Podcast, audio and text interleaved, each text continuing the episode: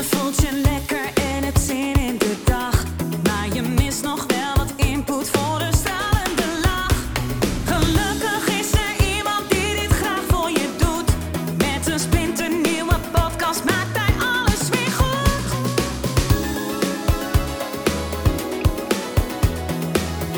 Maak weer eventjes vrij voor Edwin Selij.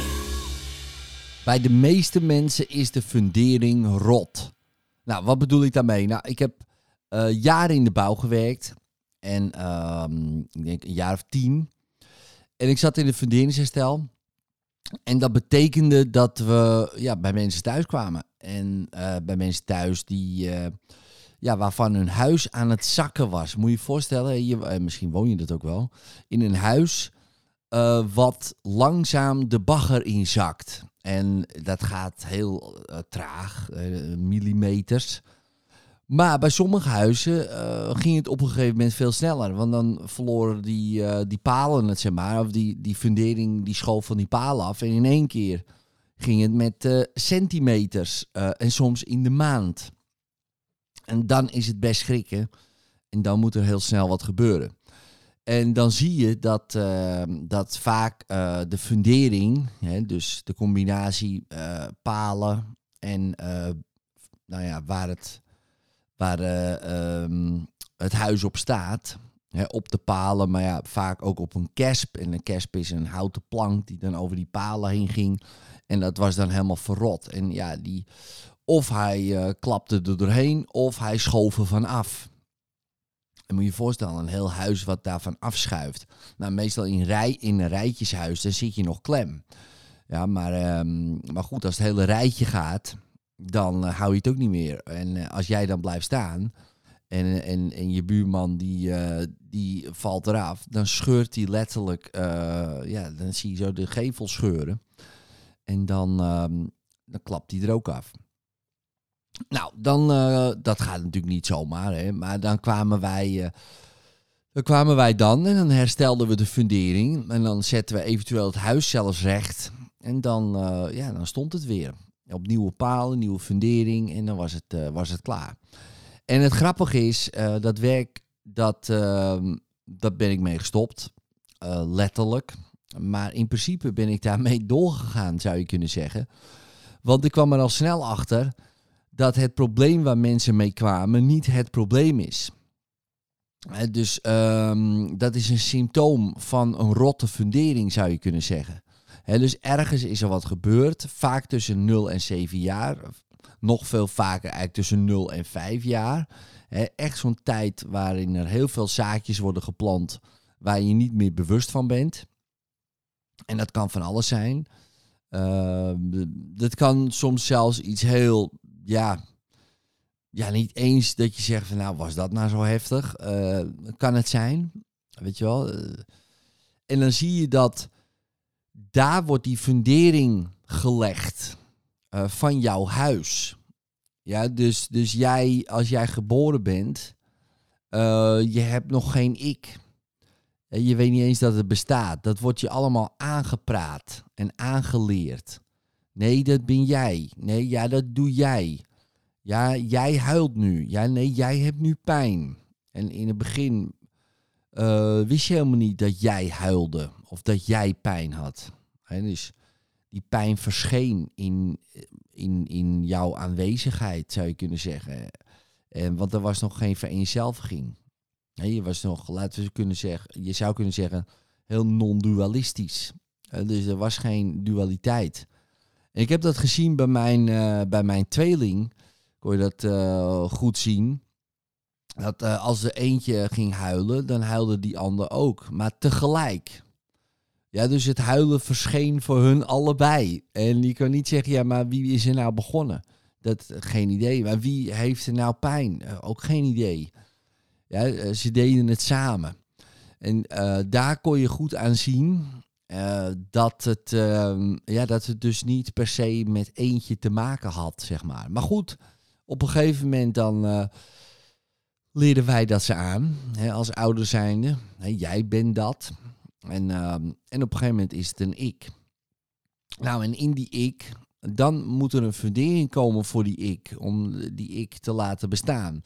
En ja, je doet je best als ouder.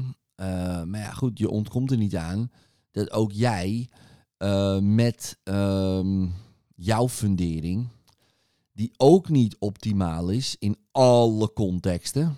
Ja, want uh, ja, je hebt nu eenmaal ook gewoon persoontjes in jou, zou je kunnen zeggen, die, ja, die je liever niet uh, zou willen hebben, maar die er wel zijn. Ja, en die ga je dus ook, uh, laten we zeggen, overbrengen op uh, je kinderen.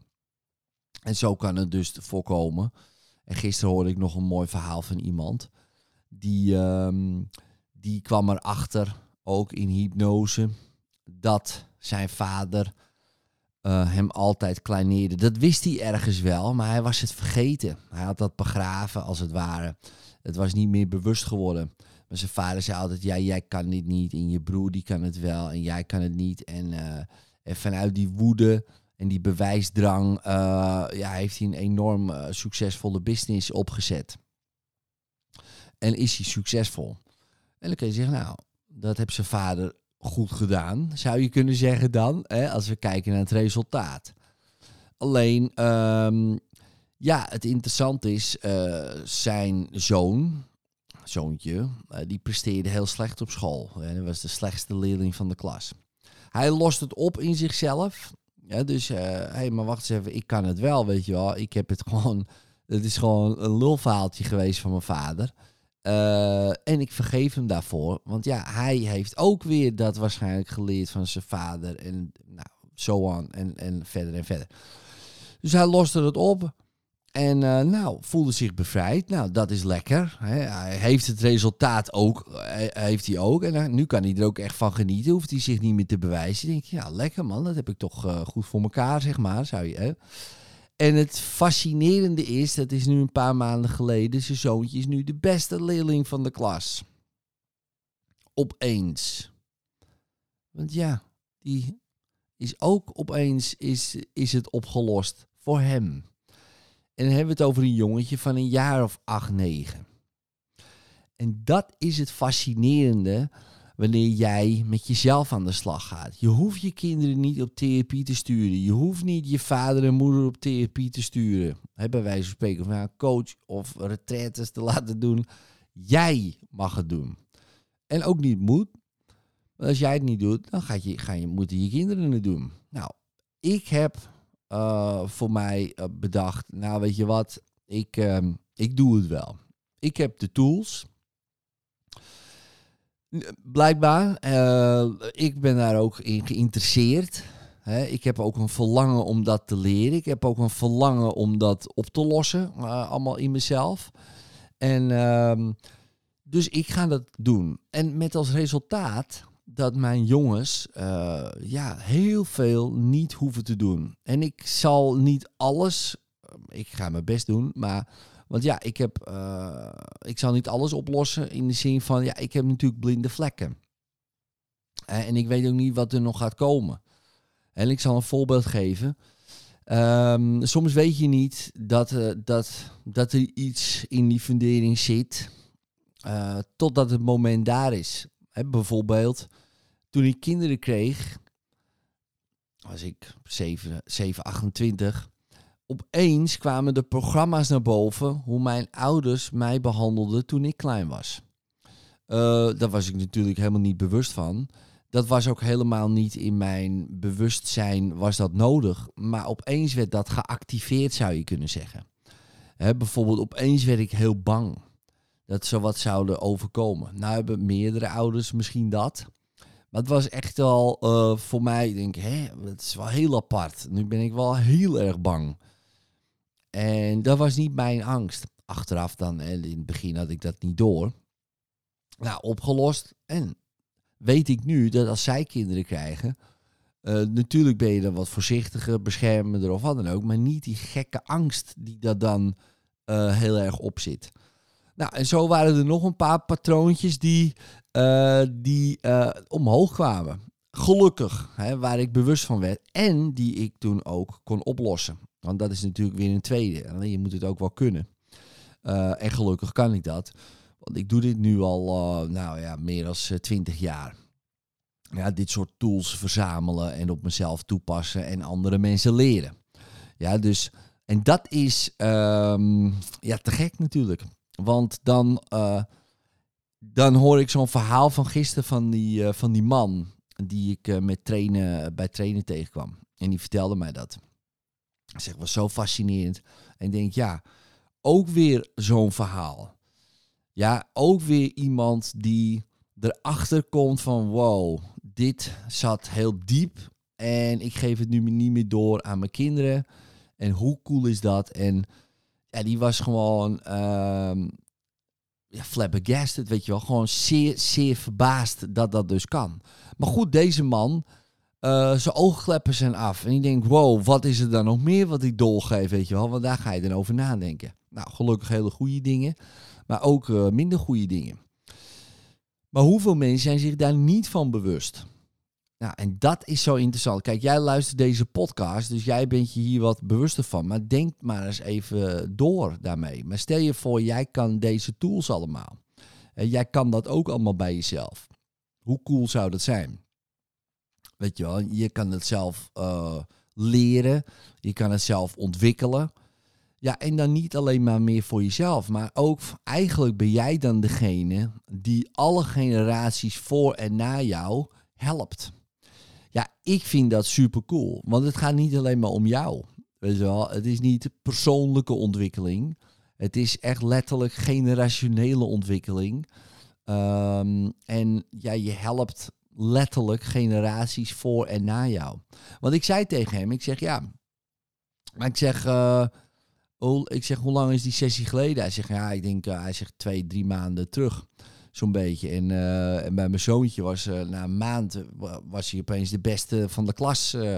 ik zeg ja, ik zeg laat ik even een helderziende waarneming doen. Ik zeg, in die twee maanden, ik zeg, heb jouw vader opeens tegen je gezegd dat hij heel trots op je is? Hij zegt, nou verrek ja, laatst. Hij zegt, ik schrok ervan. Hij zegt, maar ik heb het helemaal niet meer nodig dat hij dat zegt.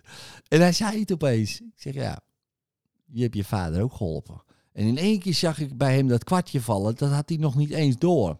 Omdat het ook op een onbewust niveau zo veranderd is Um, dat het niet eens meer opvalt dat de man ook, zijn vader dus, eindelijk ook de ruimte voelt blijkbaar, uh, bewust, onbewust, om het gewoon te kunnen zeggen. Omdat, omdat er niks meer van afhangt. Hij hoeft het dan niet meer te horen.